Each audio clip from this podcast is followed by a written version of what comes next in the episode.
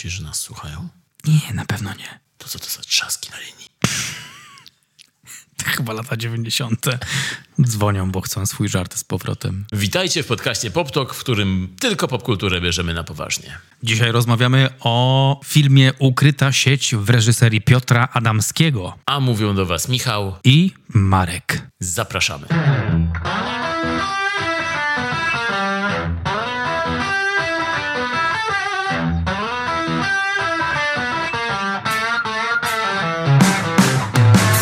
Możemy ruszać, Michale. Powiedz mi, co dzisiaj jest w agendzie. W ogóle nie wiem, czy wiesz, ale w tym filmie na celowniku są ludzie o nazwisku Miller. Od razu przechodzimy tam. Nie. Od razu już z grubej róży zaczynasz. Chciałbym zaadresować y, i trochę, trochę omówić swoją projekcję, projekcję swoich emocji i uczuć. Targetujemy Millera. Wreszcie film, którym nie rozumie. No ja tego filmu nie rozumiałem do tego. Za dużo nagonki na Millerów rzeczywiście było. Co, co, co, co znaczy w ogóle?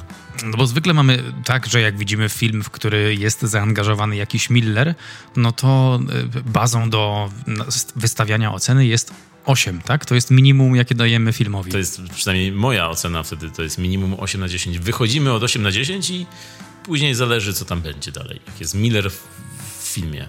I chyba, że Szczepański też, to wtedy ty możesz dać 8. Nie, raczej, e, raczej zostawiam to Millerom. To jest... Mm, Mówisz tak, bo nie ma żadnego Szczepańskiego w filmach nigdzie. też jeszcze. Ale Miller brzmi dumnie tak, tak po żydowsku. Tak wow. Multikulturowo. Jak kiedyś uczyłem w szkole, to dziecko czwartej, z czwartej klasy podniosło rękę w celu zadania pytania. Pozwoliłem. Stało. Stało i pytało mnie na pierwszej lekcji ze mną, kiedy się przedstawiłem. I mówi do mnie, pan ma na nazwisko Miller. To znaczy, że pan jest Niemcem czy Żydem? Nice! My boy! That was my boy! Od razu dziecko mnie tutaj zroastowało. No ten nos w sumie pomyślałbym, że Rzymski. it's kinda Jewish. A, myślałem, że rzymski powiesz. Chociaż rzymski, ale w sumie Żydzi też byli w Rzymie, więc może jesteś Rzymdem. W sensie, I'm done. I'm fucking done, man. Dobra, nie będę nic już tutaj dodawał. Chciałem dodać swój żart, ale po prostu zakończmy na tym, bo nic lepszego już nie będzie. Nic nie przebije tego niczym. Ale to jest y, bardzo zasadne pytanie, ale odpowiedziałeś mu coś, czy pała? To była odpowiedź na zasadzie wybuchnąłem śmiechem, po czym powiedziałem siada jedynka. Okej. Tak, a rozmowa o nosach jest właściwie ostatnio bardzo na czasie, bo teraz były kontrowersje dotyczące nosa Leonarda Bernsteina, bądź Bernsteina, Tak jest. czyli e, odgrywanego przez Bradley'a Coopera w filmie Bradley'a Coopera, biografii tego kompozytora, w której to Bradley Cooper ma duży nos. Tak, i powstało coś, co na mieście potocznie nazywa się nosizmem. Dzisiaj z, z rękawa, Michał. Dzisiaj Wow. po prostu lecę. Powiem ci, że twoje żarty dzisiaj daleko niosą. E, tak, także chciałem powiedzieć, że ty zaczynasz od nagonki na Millerów, później cały internet robi nagonkę na duże nosy i ja tutaj się czuję już jakbym miał się zamknąć w domu i nie wychodzić. A wiesz co mówią o ludziach, którzy mają duże nosy? Wiem, Że mają problemy z zatokami to nie prawdopodobnie. wiedziałem. Ale to by się zgadzało, bo mam problem z zatokami. Tak? Bo jesteś Rzymdem, do czego i tak właśnie zamykamy te pętle dziwnych faktów i skojarzeń w kolejnym bardzo spontanicznie wymyślonym segmencie podcastu PopTok. I kolejnym spontanicznie rasistowskim segmencie podcastu. Dla naszych patronów numer konta w opisie odcinka. Jeśli nie chcecie więcej, żebyśmy opowiadali rasistowskich żartów, to wpadźcie na pieniądze. Także tak, o nosach mówiliśmy, o Millerach, tak, no musimy wrócić zaraz do tematu Millerów, bo będziemy mówić o filmie Ukryta sieć, ale zanim, no to Marek chciał wam coś powiedzieć. Tak, chodzi o trzecią część Equalizera, czyli wyrównacza sił. Wyrównacz equaliza. Albo, nie, jak to jest po polsku? Bez litości. Ekwalizator. Ekwalizator! I to będzie taka króciutka recenzja. Denzel Washington, Roberto, trzeciej części na tropie swojego szczęścia. Wiesz, że on tam dba o swoje szczęście, że tam już, tam już, e, to znaczy ma przeciwników, ma wrogów, ale jest gotów na to, żeby osiąść, żeby spędzić emeryturę w ciepłym, dobrym dla siebie miejscu i Czy to wygląda jak Denzel? To wygląda jak, bardziej jak De Niro. Musisz mieć e, taką latającą wargę. Latającą Latającą wargę. wargę, zwłaszcza, że nie widzę twojej. Dobrze, że mi pokazałeś. Okej. To wyglądało jak... To wyglądało jak Hector Salamanca bardziej. To jest taka leniwa, taka warga po udarze Washingtona, który on jest bardzo znany z tego. Możemy y, y, wyśledzić ten rodzaj wargi do początkowych filmów Antoana Fuqua. Film y, Dzień próby też z Denzelem Washingtonem. Też i też jest Antoana Fuqua. Dokładnie. I tam też Denzel stosuje leniwą wargę. To jest jego wizytówka. Okej. Tak, tak, to prawda, zgadza się, bo e, tak powiem tutaj, że oglądałeś trzecią część serii Bez litości, trzecią i podobno ostatnią, gdzie Denzel mówi, że szuka szczęścia i tutaj powiem, wow, to jest coś nowego w kinie, tego jeszcze nie słyszałem, żeby bohater chciał osiąść na emeryturze i mu nagle przeszkadzają i wyrywają go z tej emerytury. To jest coś nowego chyba, tego nie było nigdy wcześniej. Nie, nie, to jest zupełnie nowa, świeża rzecz. No, to jest bardzo dobry pomysł. Nie wiem, dlaczego nikt tego nigdy nie użył w żadnym filmie. To nie jest jedyna siła tego filmu. Okej, ja tylko powiem, że widziałem dwie pierwsze części tego filmu, nie oglądałem trzeciej, dlaczego, dlatego zostawię recenzję tobie. Powiedz, jak ci się podobało. Ja mogę tylko powiedzieć, że pierwsza i druga część mnie się podobały. E, Wydaje mi się, że nawet z tego co pamiętam, druga część troszkę, troszeczkę bardziej niż pierwsza. Było tam tak e, skondensowana, taka skondensowana akcja była tam. Fajne było przeniesienie do takiego jednego miejsca, które było jeszcze podczas huraganu. I to ten, ta, ta nawałnica dosłownie akcji była tam, do, dobrze działała dla, dla mnie. Także pierwsza, druga część fajna, ale jak tam poszło Denzelowi poszukującemu szczęścia w trzeciej części, Marek? Ja tak w ogóle miałem taką refleksję, że... Refleksję! Wow, miałem refleksję. Od dzisiaj mam refleksję. To jesteś jak Reflux? To jest e, coś jak rewlux. You know what that is, right? Dobra, w każdym razie e, ekwalizator trójka. Chciało mi się śmiać podczas oglądania, bo, bo to wyglądało trochę tak, że Denzel potrzebuje już coraz mniej, żeby zacząć wojnę z ludźmi. Bo w pierwszych dwóch częściach powiedzmy, że tam było jakieś takie realne cierpienie, że on chciał kogoś uratować i, i tak samo jest w trzeciej części. Natomiast kaliber tego, tam jest jakiś gang i on trochę wyłudza hajs, ale, ale Denzelowi nikt nic nie robi właściwie i on tylko tam sobie siedzi i według mnie on po prostu chce wypić herbatę i ci ludzie mu nie pozwalają. I on wstaje i mówi, ah shit, here we go again. Jeszcze tego nie rozumiesz, bo nie jesteś na emeryturze. Zobaczysz na Dokładnie. emeryturze, jak to będzie. Najmniejszy powód będzie dobry. Zwłaszcza w Polsce. Dużo nie potrzebujemy. Z tą em- emeryturą naszą co ty? Co to? Myślisz, że będzie jakaś emerytura? Także strzeżcie się, pokolenie Z, Gen Z, bo nadchodzimy z Michałem.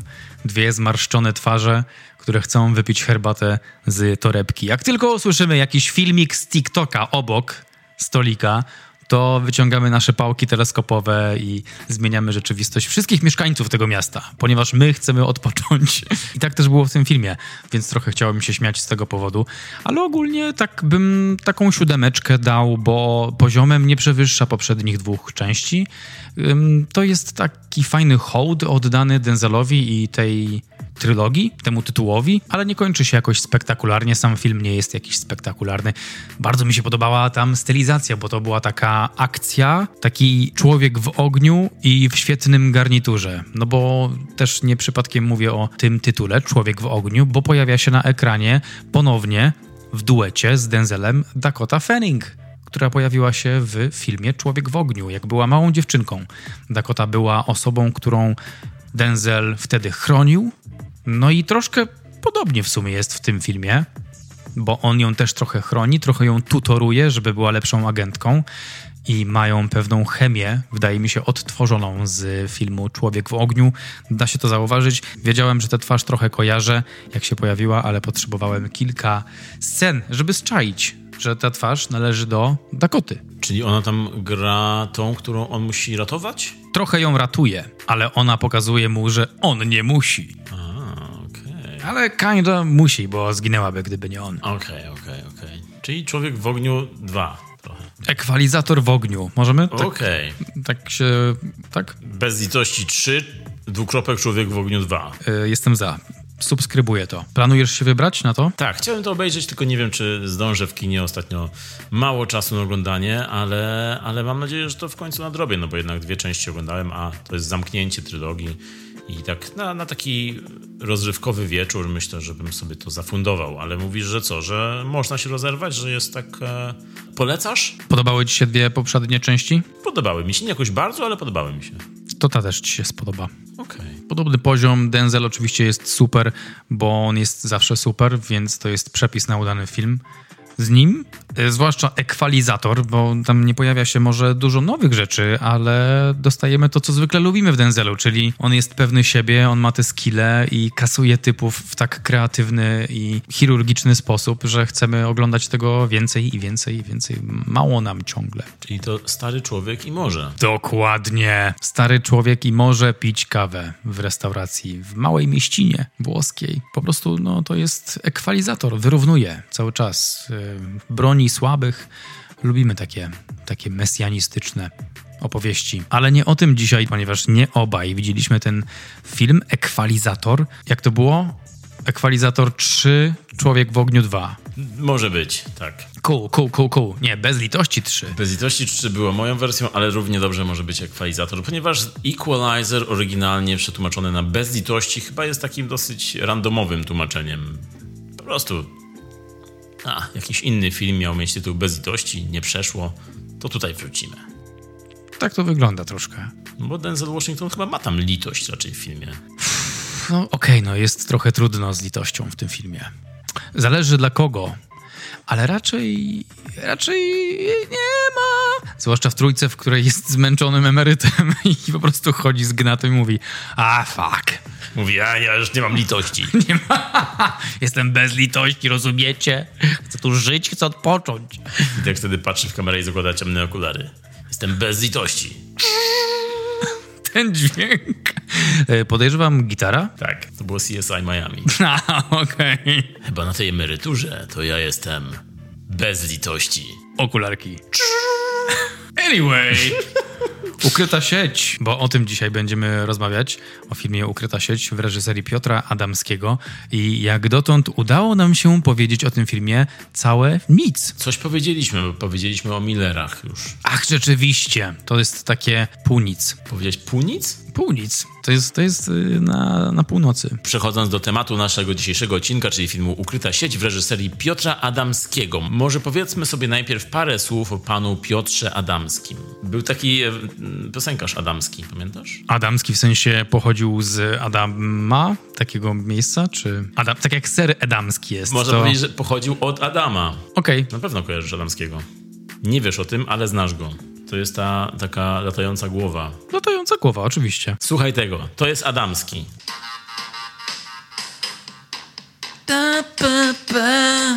Nie, to nie jest Adamski. To jest Seal, to jest Foka. To jest piosenka normalna, teledysk. Nie znasz tej piosenki? No znam. To jest Adamski. Solitary Brother, no, tak? No tak, tak, tak. To, to jest to, Seal. George Michael to przerobił później, ale oryginalnie to jest wokalista, który się nazywa Adamski. One Hit Wonder Loser który miał jeden hit i nazywa się Killer, ta piosenka. To jest niemożliwe, że to jest piosenka Adamskiego. Zawsze całe życie myślałem, że to jest Seal, rozumiem. Oczywiście, że Seal. Bardzo podobny wokal. To prawda, ale to jest Adamski. Nie Piotr, ale nadal Adamski. What? Wait, wait, wait. Masz przed sobą komputer? Do the math. Ale Michał, nie, czekaj, spokojnie, oddychajmy. Bo w tym momencie mówisz mi, że święty Mikołaj nie istnieje. Jaki Adamski? Co to znaczy jaki Adamski? To, no, pokazałeś mi jakąś... Pokazałeś mi twarz Sila. To był Sil śpiewający wokół własnej osi i tam było napisane Adamski myślnik killer, jakby to był filmik wrzucony przez 13-letniego Antosia. I mówisz mi, że to jest Adamski, bo Adamski stworzył ten utwór. No bo to jest piosenka u, u wykonawcy, który się nazywa Adamski, a tam śpiewa Seal tylko. Ale piosenkę okay. wykonuje Adamski. I to jest featuring Seal jakby. No to co tam Adamski robi? Jaki jest, jaki jest wkład Adamskiego? Uwaga, sprawdzam. Nie wiem, bo tylko wiem o tej piosence. Adamski, czyli Adam Paul Tinley czyli znany jako Adamski, angielski DJ, muzyk, piosenkarz i producent. Okej, okay, nadal czekam na odpowiedź na pytanie, jaki jest wkładamski? Wow. No to jest jego piosenka, w której pewnie wynajął sobie Sila zanim był jeszcze znany i sobie Sil tam dośpiewał chórki. To, to musi być najdziwniejszy moment y, ze wszystkich nagrań, jakie... Można powiedzieć, że wysilił się mocno. There he is! Ladies and gentlemen, Michael Miller. Także tak, rzeczywiście jest tam Seal śpiewa, Adamski e, robi muzykę i to po prostu był hi- singiel podpisany Adamski. To jest nieprawda. To jest prawda, sprawdź. E, Znany też jest również jako też również jako Sony Ericsson. Nie, nie, dobra, dobra, nie idźmy w to. Nie, Naprawdę, bo ma taką drugą swoją ksywę. ja się tylko denerwuję teraz, jak tego słucham. Całe życie myślałeś, że Sony Ericsson to jest telefon. Nie! A mama go nazywała Motorola, jak miał 5 lat. No to już nie jest Seal. Seal tam śpiewa, Adamski na, zrobił ten utwór. Czyli dobrze, okej, czy- dobra. Utwór nazywa się Killer, więc możemy uznać, że Adamski zabił Sila. Wow! W mojej głowie. A, można powiedzieć tak, że Adamski zabił fokę w twojej głowie, dobrze. Tak. Anyway. Nie wiem, jak przejść z tego wszystkiego w ogóle. Nie wiem. Ten odcinek już trwa 3 godziny i jeszcze nic nie powiedzieliśmy o filmie.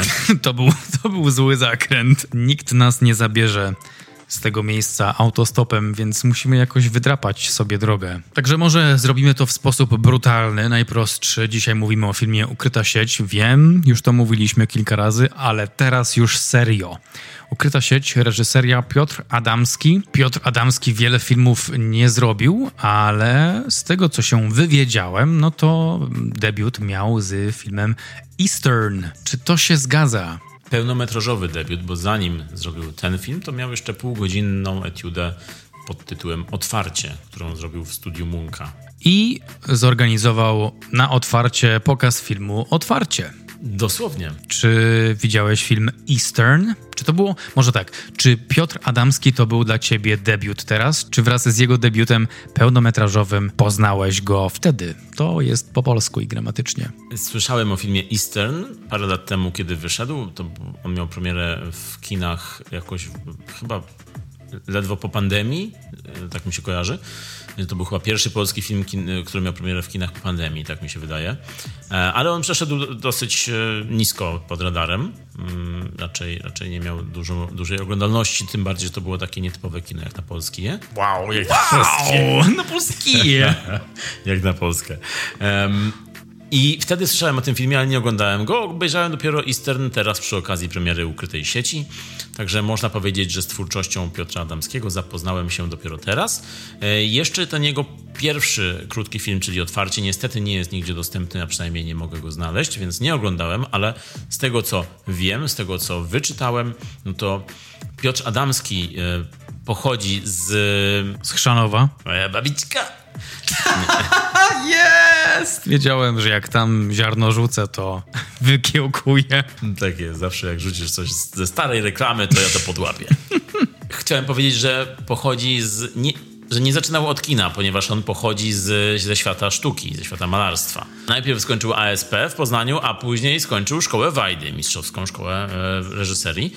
I dlatego jego pierwszy film Otwarcie nawiązuje do jego przeszłości w, w sztuce mm, malarskiej, ponieważ e, może nie do końca malarskiej, bo on, on bardziej odpowiadał za bo on bardziej robił instalacje, wystawy i ten jego debiut krótkometrażowy, półgodzinny, to jest, e, to, to jest zapis jakby performance'u Zbigniewa Libery, który jest znanym artystą e, swoją drogą z Pabianic e, i który wykonuje różne performance, wykonuje różne takie nietypowe mm, mm, rzeczy, jak właśnie tutaj w tym filmie, tam w, w tym filmie on wykonuje coś takiego jak e, jako artysta w śpiączce. E, Tutaj w filmie pokazuje artystę, który umiera i wystawą jest to, że wszyscy mogą oglądać go w szpitalu, jak on jest śpiący i on umiera i ten, ten performance, ta wystawa trwa aż dopóki on nie umrze. To jest, o tym jest ten film. Pozdrawiamy Pabianice. Myślisz, że to jest takie, taka metafora pabianic? że po prostu łódź tam przyjeżdża tylko zobaczyć dopóki Jak umiera to miasto? Łódź odwiedza tylko z zamiarem zobaczenia, jak dogorywa, bo jak pamięci dogorywają i czekają tylko, kiedy będą nasze. Jesteś w centrum Pabianic i ludzie się ciebie pytają Hej, y, zgubił się pan? Nie, nie, ja tutaj na wystawę szukam y, oznak entropii. Czy pabianice już umierają, czy już możemy je sobie zabrać, czy jeszcze? Gdzie jest y, darmowy poczęstunek? Mam nadzieję, że Piotr Adamski tego nie słyszał. ponieważ on zrobił poważny film, a my sobie robimy z niego żarty. No ale, przepraszam, ostrzegaliśmy już wcześniej, że um, tylko popkultury bierzemy na poważnie. Można powiedzieć, że ostrzegaliśmy 90 odcinków temu. Teraz już jest za późno, jeśli tu jesteście. już kula śnieżna zamieniła się w lawinę. No i ten film otwarcie e, otworzył mu drogę do kariery. E, to był 2016 rok. Natomiast w 2019 roku zrobił swój pełnometrażowy debiut, czyli właśnie film Eastern. I ten tytuł ma być taką, taką grą słowną, ponieważ wiadomo, że chodzi nam o western, tylko że na wschodzie, czyli u nas. Okej, okay, dla mnie to jest nowa rzecz, bo tak jak mówiłem, a może nie mówiłem, nie widziałem tego filmu, słyszałem tylko, że to był film po premierze, którego on, Piotr Adamski, stał się rozpoznawalny i wyobrażam sobie, że z dobrego powodu. Czyli to opowiadało o takiej. O czym opowiadało? O naszej rzeczywistości? Film Eastern to jest taki miks kina gatunkowego z tak, kinem artystycznym typowo europejskim. Zresztą Piotr Adamski jest porównywany do Jorgosa Lantimosa, twórcy Lobstera, Faworyty czy filmu Kieł greckiego reżysera, który robi ostatnio e, zawrotną karierę i którego nowy film jest pokazywany e, obecnie festiwalu, na festiwalu w Wenecji. No i e, film Eastern jest taką wizją równoległej rzeczywistości polskiej, w której rządzi prawo krwi, czyli każdy ma prawo zemsty po prostu. I to jest rzeczywistość i świat patriarchalny przedstawiony w tym filmie wzięty pomysł jest stąd, że to jest prawdziwe prawo chyba w Etiopii, z tego co pamiętam. I w tym filmie rzeczywistość to jest Kowalscy kontra Nowakowie. I dosłownie, i w przenośni, bo w filmie są pokazane dwie rodziny Kowalskich i Nowaków, które ze sobą walczą. Dwie bogate rodziny mieszkające na zamkniętym osiedlu. I jest to i nie chodzi o to, że one są zamknięte, zamknięci ze sobą razem na osiedlu, tylko we, we dwie rodziny mieszkają, ale chodzi o to, że taka wyższa klasa walcząca ze sobą i dosłownie walcząca, ponieważ oni tam polują na siebie, zabijają się, tam każdy ma prawo do noszenia broni, nawet mają um, tradycyjne rodzaje broni, którymi mogą wykonywać te egzekucje swoje. Jest to trochę taka rzeczywistość e, jak z serialu Opowieść Podręcznej, czy też z książki Opowieść Podręcznej. Troszkę jest tam nawiązania.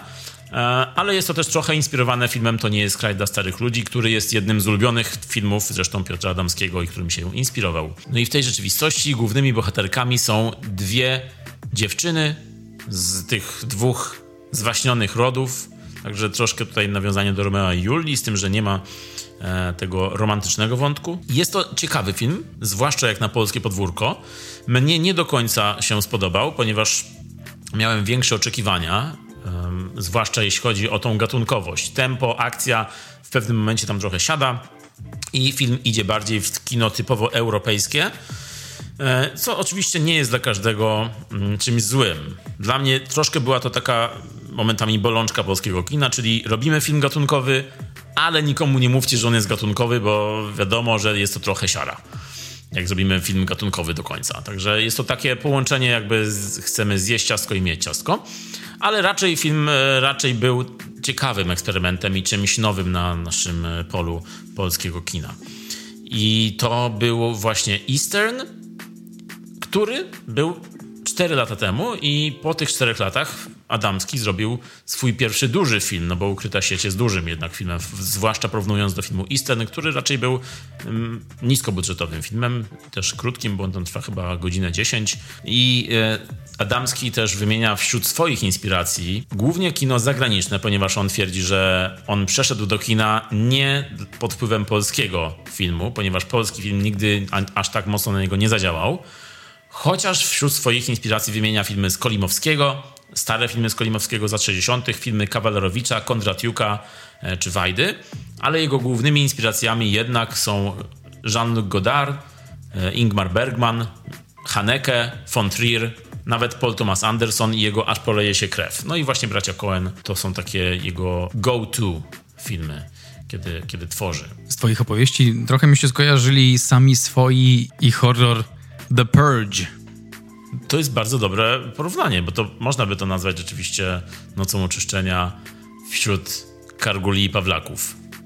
Fajnie, brzmi ciekawie, brzmi jak coś, co chciałbym nadrobić zdecydowanie. Czyli Piotr Adamski ma. He knows his stuff, można by rzec. To jest taki obiecujący młody reżyser e, rzeczywiście i, i na pewno jestem ciekaw, co dalej zrobi, bo to są jednak dwa pełnometrażowe filmy na razie na koncie. No i właśnie widać po tych dwóch filmach, że on chce robić coś polskiego, ale raczej w stronę zachodu tutaj patrzy. Czyli jednak western. Tym razem do współpracy zaprosił Łukasza M. Maciejewskiego. Znamy go z Dnia Matki, z Najmro, z serialu też SOR, Townia. To jest, jest taki podział, żeby chodziło o to, że jest SOR i Townia, co razem tworzy słowo sortownie. I braty, tam też się pojawia Maciejewski pan. No i tutaj jeszcze pojawił się Jakub Szamałek.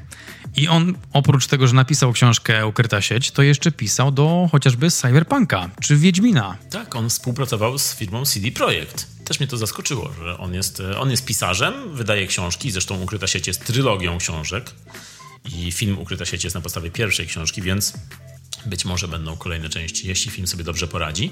No bo jeszcze nie znaleźli tej sieci. Ona jest tak dobrze ukryta, że mm, mimo trzech książek jeszcze jej nie znaleziono. Dopiero na ostatniej stronie trzeciej książki znajdują tą sieć. Tam jest, tam jest taki cliffhanger, że być może znaleźli, ale nie wiadomo, może tak, może nie. Dowiecie się w czwartej części. Okazuje się, że to była sieć rybacka. Więc czwarty tom będzie o wędkowaniu. Wow, dzisiaj robimy mnóstwo złych zakrętów.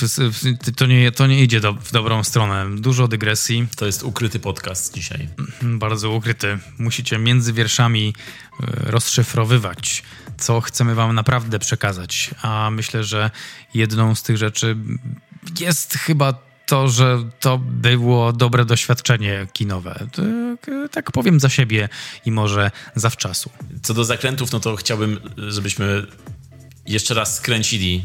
Tym razem robiąc research o panu Piotrze Adamskim, trafiłem na dwie rzeczy. Pierwsza jest taka, że kiedy wpiszesz w Google Piotr Adamski, to przede wszystkim wyskakuje ci. Piotr Adamczyk? O dziwo nie.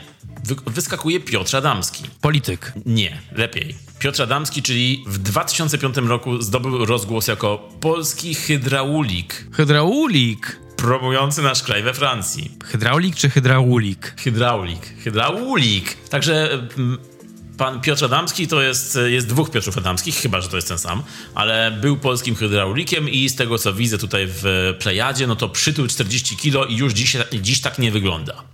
Gdybyś chciał wiedzieć, Marek, to jest jedna rzecz. Poczekaj, czy to jest ten hydraulik, taki model? Wow, ty, ty, go znasz?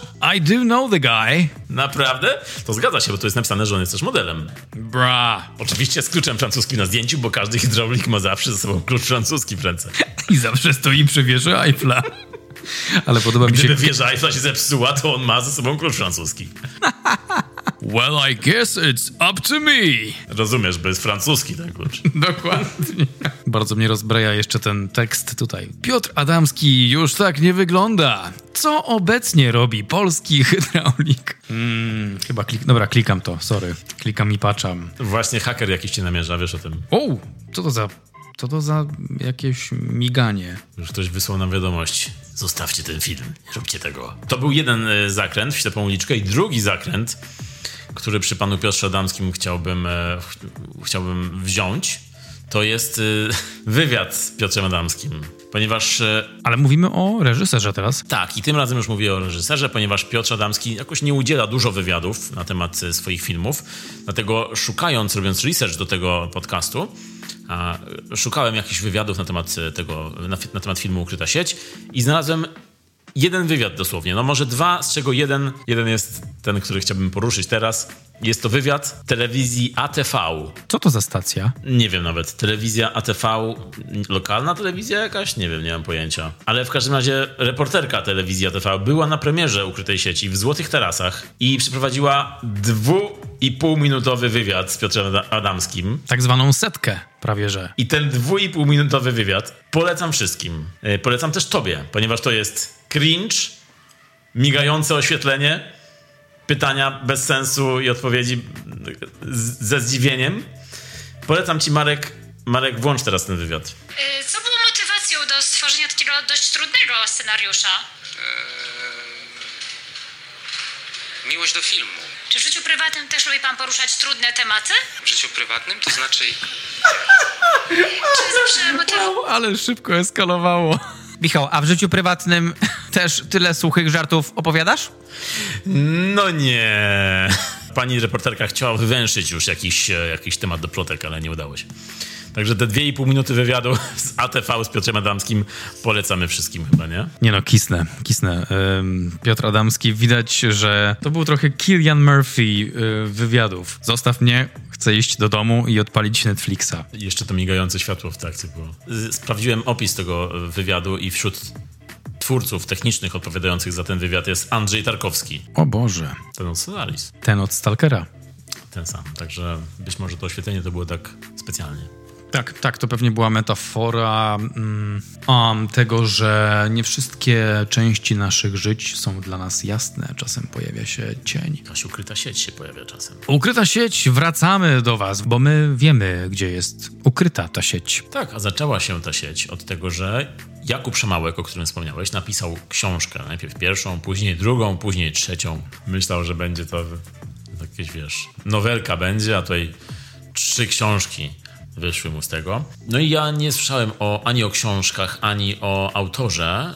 Dopiero teraz, przygotowując się, posłuchałem i on bardzo sensownie opowiada, bardzo dobrze się go słucha, kiedy on opowiada o książkach i o tematach związanych z fabułą tego filmu, czyli dark webem, czy z hakerstwem i, i itd. itp. z bezpieczeństwem w sieci. No i książki, tę serię książek Adamskiemu dał Jerzy Kapuściński i powiedział mu, że ma prawa do tego i poleca mu sprawdzić, być, być może to byłoby coś dla niego. No i Adamski się zainteresował, zaintrygował go przede wszystkim motyw inwigilacji przez nowe technologie i w jego e, uznaniu film, kino to też jest trochę taka inwigilacja bohaterów i to był dla niego taki zaczątek tego, tego pomysłu, to był dla niego taki zaczątek metazabawy kinem.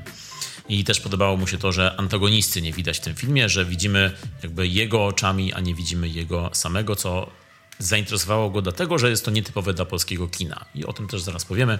Tutaj to było takie, taki origin story e, tego filmu, czyli od tego zaczęło się, e, zaczęła się przygoda Adam- Adamskiego z ukrytą siecią. To może, Michał, y, taka sugestia po czterech godzinach nagrania. Powiedzmy, o czym jest film. Dobra, idźmy w ten zakręt. Okej. To może powiemy tradycyjnie, co pisze Film Web na temat tego filmu. Młoda dziennikarka prowadzi śledztwo, które może wstrząsnąć nie tylko jej rodziną, ale całym krajem. Uważa, że to, co służby kwalifikują jako nieszczęśliwy wypadek, w rzeczywistości było precyzyjnie zaplanowaną zbrodnią. Film oczywiście opowiada o Julicie, młodej dziennikarce, która pracuje w redakcji platformy plotkarskiej. Która nazywa się Mega News. Tak się nazywa. Okej, that's pretty generic. I, ale łatwo zapamiętać. Mega News, czyli taki duży news. To jest duży news. Znowu powiedziałem newsu. Minęło tyle czasu, odkąd to pierwszy raz powiedziałem, jak mi się pomyliło słowo news z newsu i nadal to jest it's a thing. Myślałem, że specjalnie nawiązałeś, roz, rozumiem, że to był przypadkowy błąd znowu. To był bardzo przypadkowy błąd. To może zróbmy swoją, swoją platformę, która nazywa się Mega News. Mega newsu! No ta Mega News to, to sugeruje, że to jest takie cli- clickbaitowe dziennikarstwo i cała ta redakcja właściwie tak wygląda, e, jakby każdy chciał mieć najbardziej klikalny artykuł, klikalnego newsła. Mm, i swoją drogą oglądając ten film i oglądając często filmy o dziennikarzach, to można się troszkę pośmiać, jeśli wiadomo, jak wygląda praca dziennikarza, a jak wygląda praca dziennikarza w filmie, ponieważ e, według tego filmu dziennikarz ten to ma dopiero życie. Siedzi cały dzień w tej redakcji, myśli, ma dużo czasu, żeby ogarnąć wywiad, myśli nad tym wywiadem, ma tydzień, żeby zrobić jeden wywiad w pracy. Nic więcej nie musi robić. Także to jest zawsze zabawne, kiedy się ogląda to, że a, taki dziennikarz to, to ma na luzie życie. Wyjdzie sobie z pracy, pójdzie do domu, pójdzie poszperać trochę, poszukać informacji. E, Wcale nie ma 15 artykułów innych do napisania jeszcze, oprócz tego wywiadu. To tak, jest to pewnego rodzaju mikro rzeczywistość przedstawiona przez twórców jako taka bańka mm, dziennikarza, że on się tym dziennikarza w ogóle śledczego, tak aspirującego do dziennikarstwa śledczego, taka wygląda rzeczywistość. Julita w tym e, przypadku, e, pracując w tym portalu plotkarskim Mega News, ona niejako żeruje na tego typu sytuacjach, jak zresztą cały tam zespół ten dziennikarski. E, niestety pewna sytuacja, pewnego dnia bardzo szybko obraca się przeciwko niej, więc e, tutaj mamy taki kontrast, że z jednej strony ona jest tą poszukującą, żerującą na tragedii innych, ale dzieje się coś, co y, zamienia miejsca siedzące przy stole i nagle Julita jest po tej drugiej stronie, czyli ktoś żeruje na jej tragedii. A odpowiedzialny za wszystko jest Miller oczywiście, bo film zaczyna się od sceny, kiedy Miller ginie w wypadku. Miller grany przez Mariusza Czajkę. Chciałem to powiedzieć też. Pan Mariusz Czajka, dawno niewidziany w kinie, w filmie, od wielu, wielu lat i wraca tą rolą akurat. Nie tylko rolą Millera, ale rolą, która nie możemy powiedzieć z czym się wiąże, bo byłyby to spoilery. W spoilery wejdziemy dopiero później, więc jeśli oglądaliście, to zostańcie do sekcji spoilerowej. Natomiast ja Mariusza Czajki nie widziałem bardzo dawno w filmie. Tam w, oczywiście no, są to te polskie komedie kryminalne, e, w których Czajka był najbardziej rozpoznawalny. No i oczywiście był to program. Jak się nazywał ten program, który on prowadził w TVN-ie? To było coś, maraton uśmiechu. Maraton uśmiechu, tak. Tak. Konkurencja dla Tadeusza Drozdy to był od swojego czasu. Pozdrawiamy obu panów. Maraton uśmiechu, Mariusz Czajka. Dla mnie to było fajne, żeby widzieć Mariusza w takiej roli, takiej mrocznej, takie, że on coś tam jest trochę zły, ale jest tajemnica wokół niego. Tak, on tutaj gra. E, W ogóle zaczyna od tego, że, że ginie i widzimy go całego zakrwawionego, takiego wykrzywionego w samochodzie po wypadku. Więc y, mocny początek, jak na wejście Mariusza Czajki w filmie. Chyba pierwszy raz w jego życiu. I no offense oczywiście, nie, nie mówię tutaj, że pan Mariusz Czajka złym aktorem jest, bo nie jest oczywiście. Ale ciekawie było w tym kontekście go zobaczyć. No i y, grał tutaj kogoś, kto, co było nawiązaniem może troszkę do jego prywatnej osoby, bo grał tutaj prezentera telewizyjnego prowadzącego programy dziecięce. No i y, otwiera nam ta scena wypadku film i później mamy pogrzeb Mariusza Czajki, na którym, na którym poznajemy rodzinę Julity i w tej rodzinie jest m.in. Andrzej Seweryn grający jej ojca. Także w ukrytej sieci mamy duże nazwiska, dobrych aktorów. Jest Magdalena Koleśnik grająca właśnie Julitę.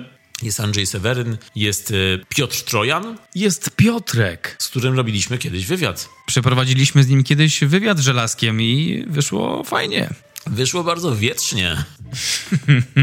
Jest też Mikołaj Grabowski, brat Andrzeja Grabowskiego. To chciałem powiedzieć, że kiedy widziałem zwiastun ukrytej sieci, mignął mi właśnie tam pan Grabowski. Ja byłem przekonany, idąc na film, że tam gra Andrzej Grabowski, bo byłem przekonany, że to był pan Andrzej Grabowski. Dopiero oglądałem ukrytą sieć w kinie i mówię, ej, to nie jest Andrzej Grabowski.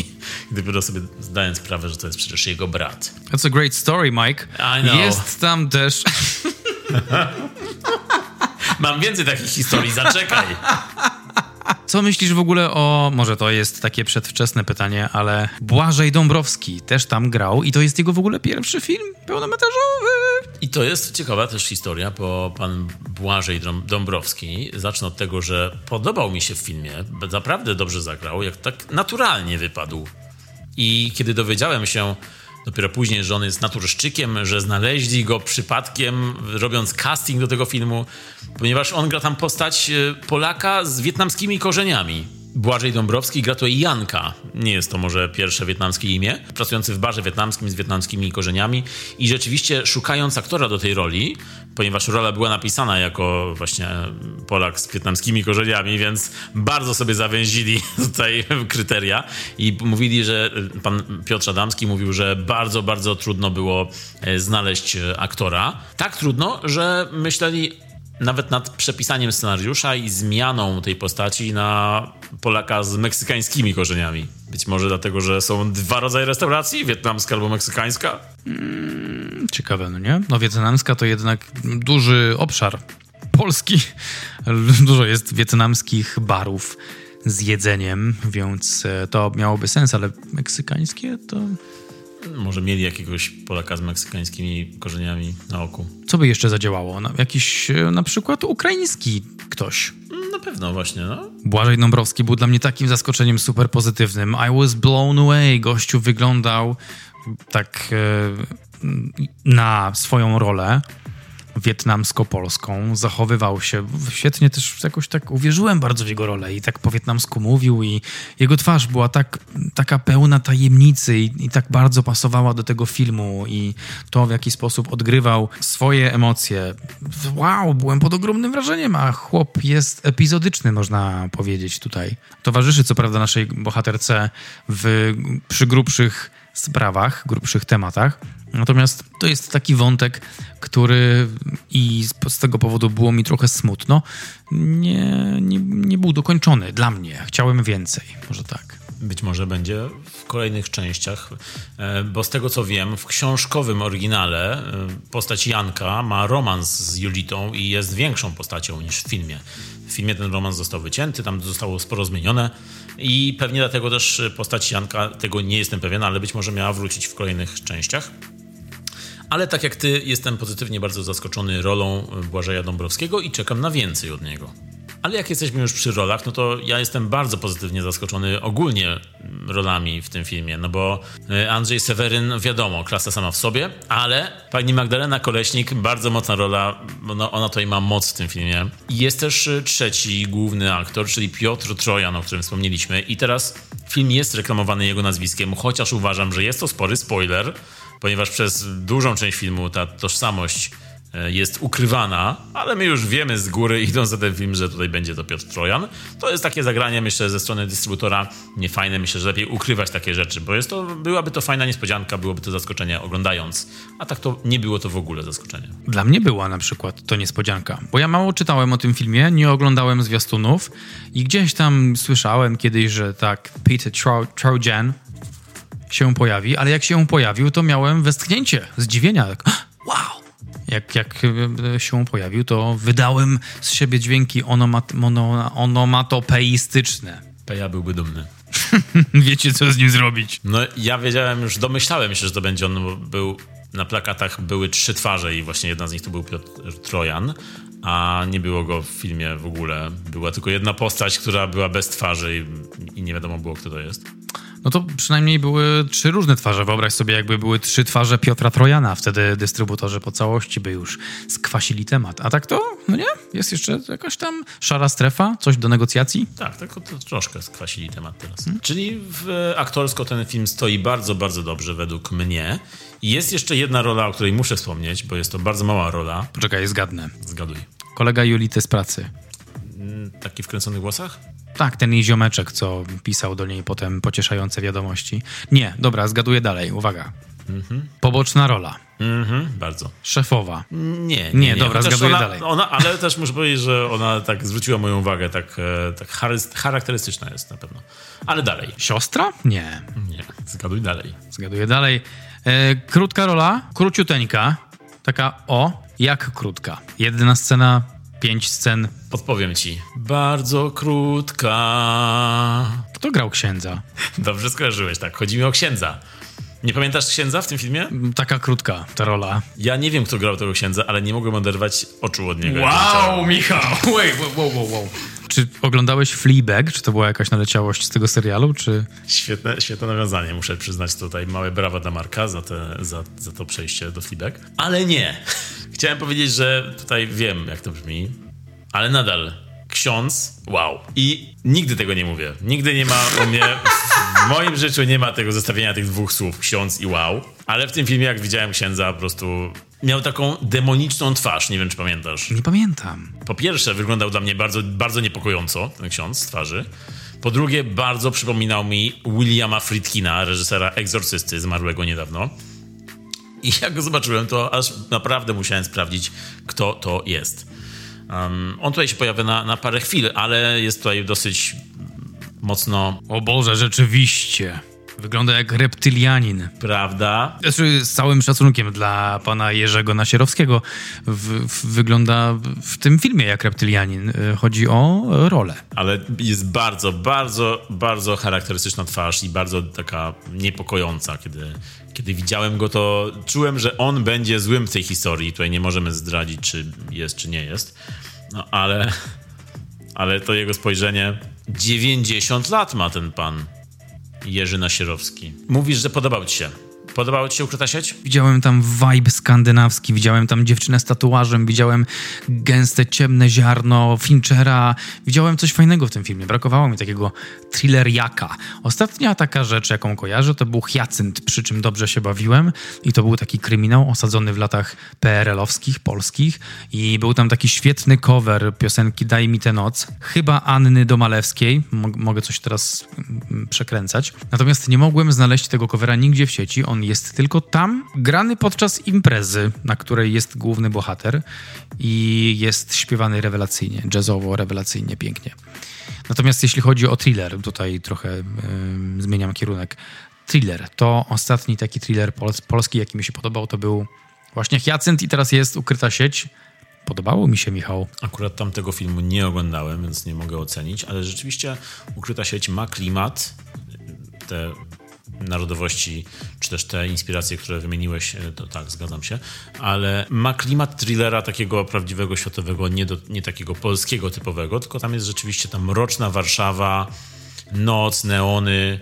e, Bardzo, bardzo ładnie przedstawione jest to wszystko. A propos utworów, to nawet polskie kino i polskie seriale mają ostatnio ucho do dobrych utworów, bo e, tutaj też jest utwór, który wpadł mi w ucho, no, który znałem już, ale się zdziwiłem, że usłyszałem go w polskim filmie w takim kontekście. Nawet dwa razy był w tym filmie, bo był też w napisach i chodzi mi o piosenkę Nika Cave'a Red Right Hand. No i jest to piosenka, która jest najbardziej znana z serii filmów Krzyk. I kiedy ją usłyszałem tu w tym filmie, bardzo, jest bardzo charakterystyczna i bardzo wybrzmiewa ta piosenka, to skojarzyło mi się, nie wiem czy to też Piotr Adamski miał na myśli, ale ponieważ w krzyku jedną z bohaterek jest Gail Weathers, grana przez Courtney Cox, która jest też taką wścibską dziennikarką śledczą.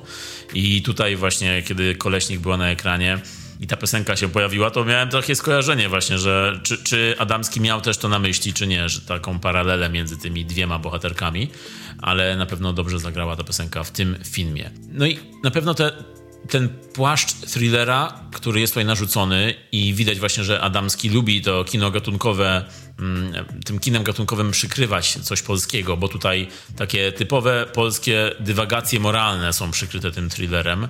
Em, Ludzkie wybory, no i też y, dużo, dużo mroczniejsze rejony, w które ten film zmierza i tematy, które są naprawdę czasami szokujące, okropne i jeśli chcemy w nie wejść, no to musimy wejść w spoilery, więc Dobrze, moi drodzy, wchodzimy w spoilery. Jeśli nie chcecie słyszeć, co się wydarzyło w filmie, bo jeszcze go nie widzieliście, to zachęcamy Was do obejrzenia filmu i przesłuchania tej części podcastu. A jeśli widzieliście film i chcecie posłuchać, co myślimy o nim w części spoilerowej, to właśnie zaczynamy. ukryta sieć spoilerów. Ale mówiłeś o tych trudnych scenach i wydarzeniach i tych rzeczach.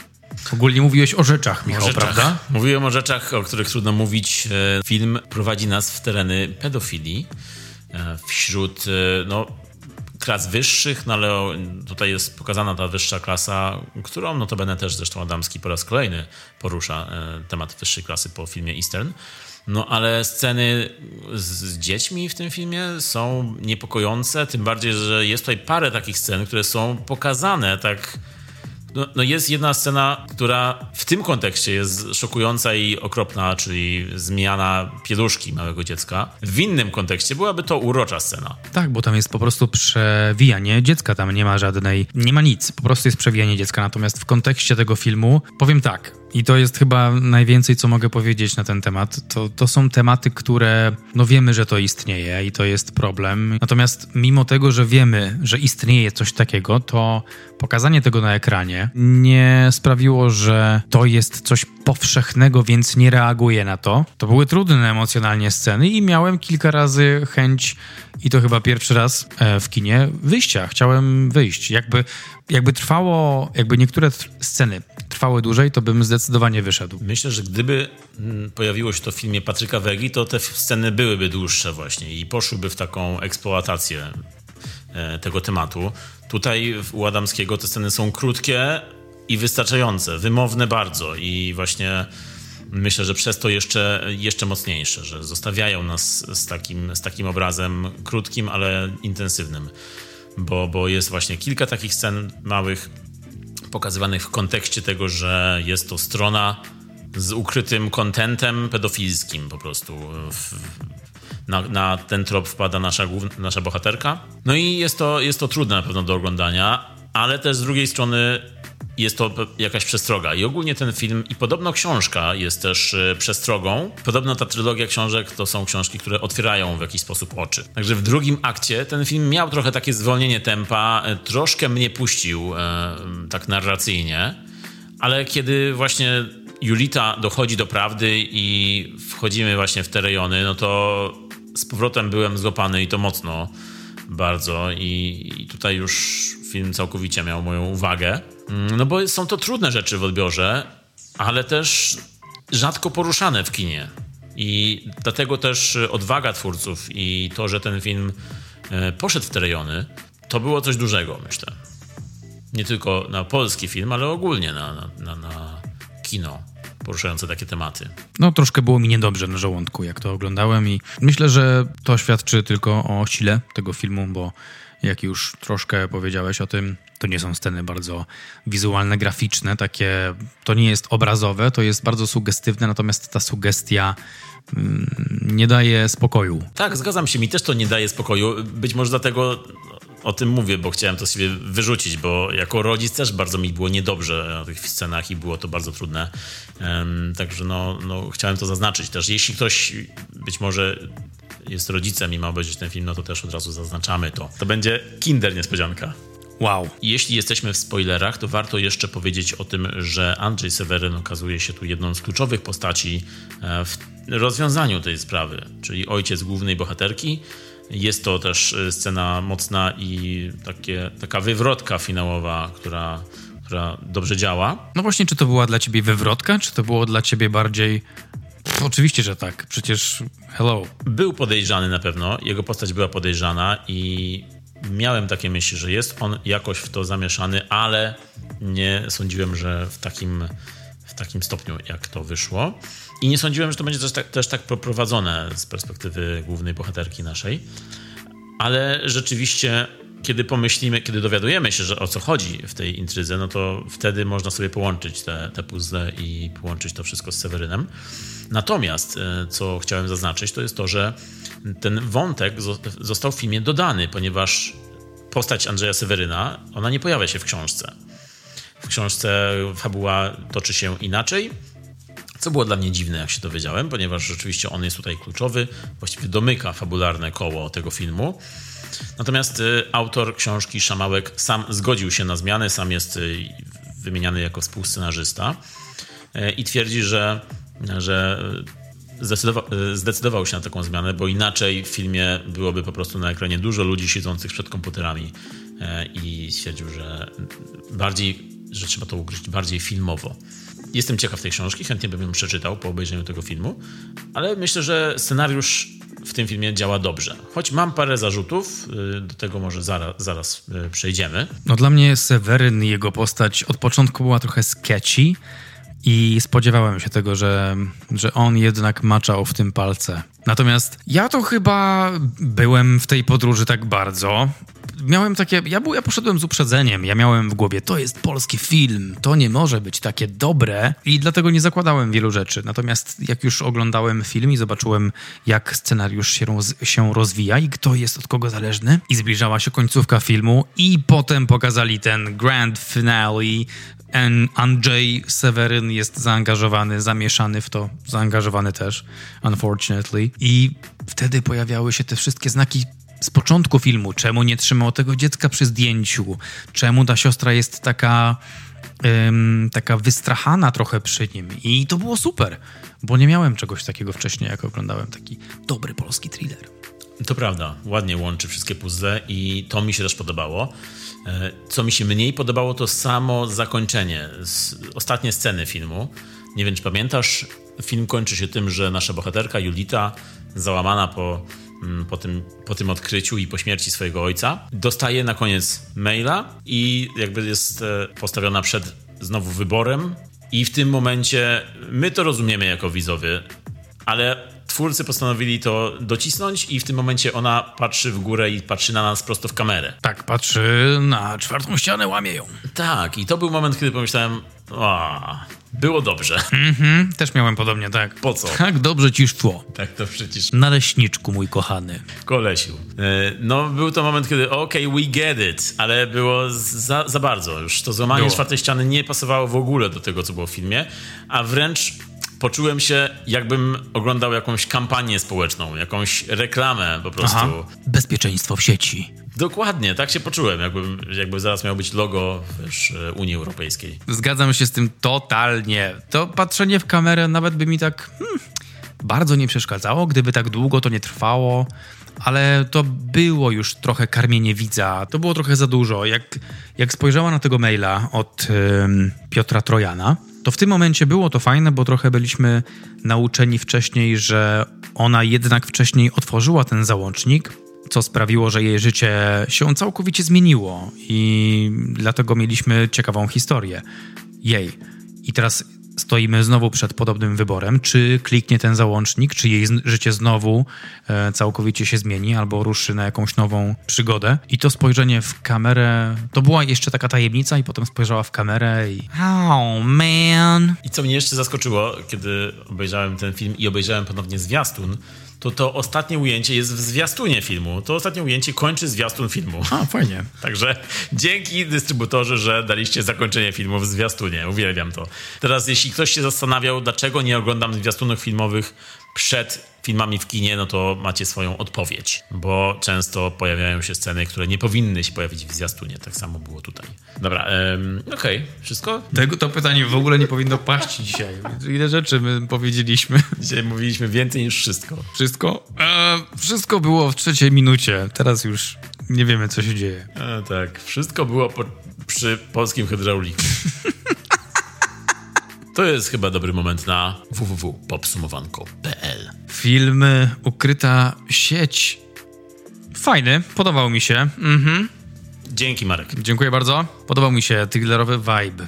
E, podobał mi się cały ten. Pamiętasz film Chicago, ten musical Tak. z Catherine Zeta-Jones? Wiem, to, to będzie miało sens za chwilkę. No właśnie, czekam. Wytrzymaj. Pamiętasz, jak śpiewała And? Pamiętam. Cały ten zgiełk? Nadal nie ma sensu. to jak oglądałem Ukrytą Sieć, to miałem tę piosenkę w głowie i ona brzmiała mniej więcej tak. And all that thriller vibe. Wow. Nadal nie ma sensu. Chodzi o cały ten vibe thrillerowy. Ale dlaczego ta piosenka akurat? Nie wiem, bo jest ADHD człowiekiem i takie rzeczy zapamiętuję z przeszłości. Czyli cały ten y, thrillerowy vibe, który był tu obecny, wspomniany przeze mnie Fincher. Wcześniej czułem jego dotyk, poczułem tę ciemność y, kadrów. No po prostu polubiałem to. To było naprawdę przyjemne. Aktorzy świetną robotę wykonali. Julita jest skryta. Julita jest skryta.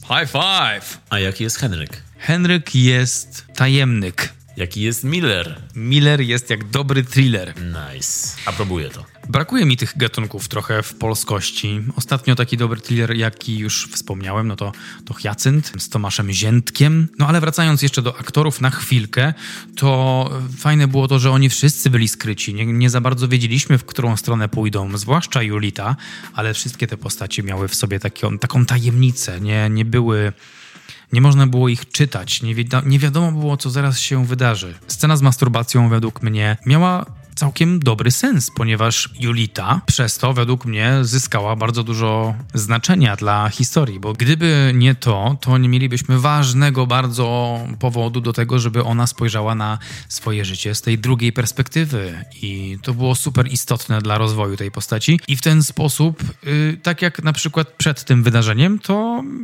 patrzyłem na Julitę z takim z taką niechęcią, że ty żerujesz na tragedii innych, że to jest niefajne, to jest moralnie bardzo wątpliwe, a po tym wydarzeniu miałem już więcej empatii w jej kierunku. Już bardziej zastanawiałem się, o ja, co teraz się wydarzy, oby jej się nic nie stało.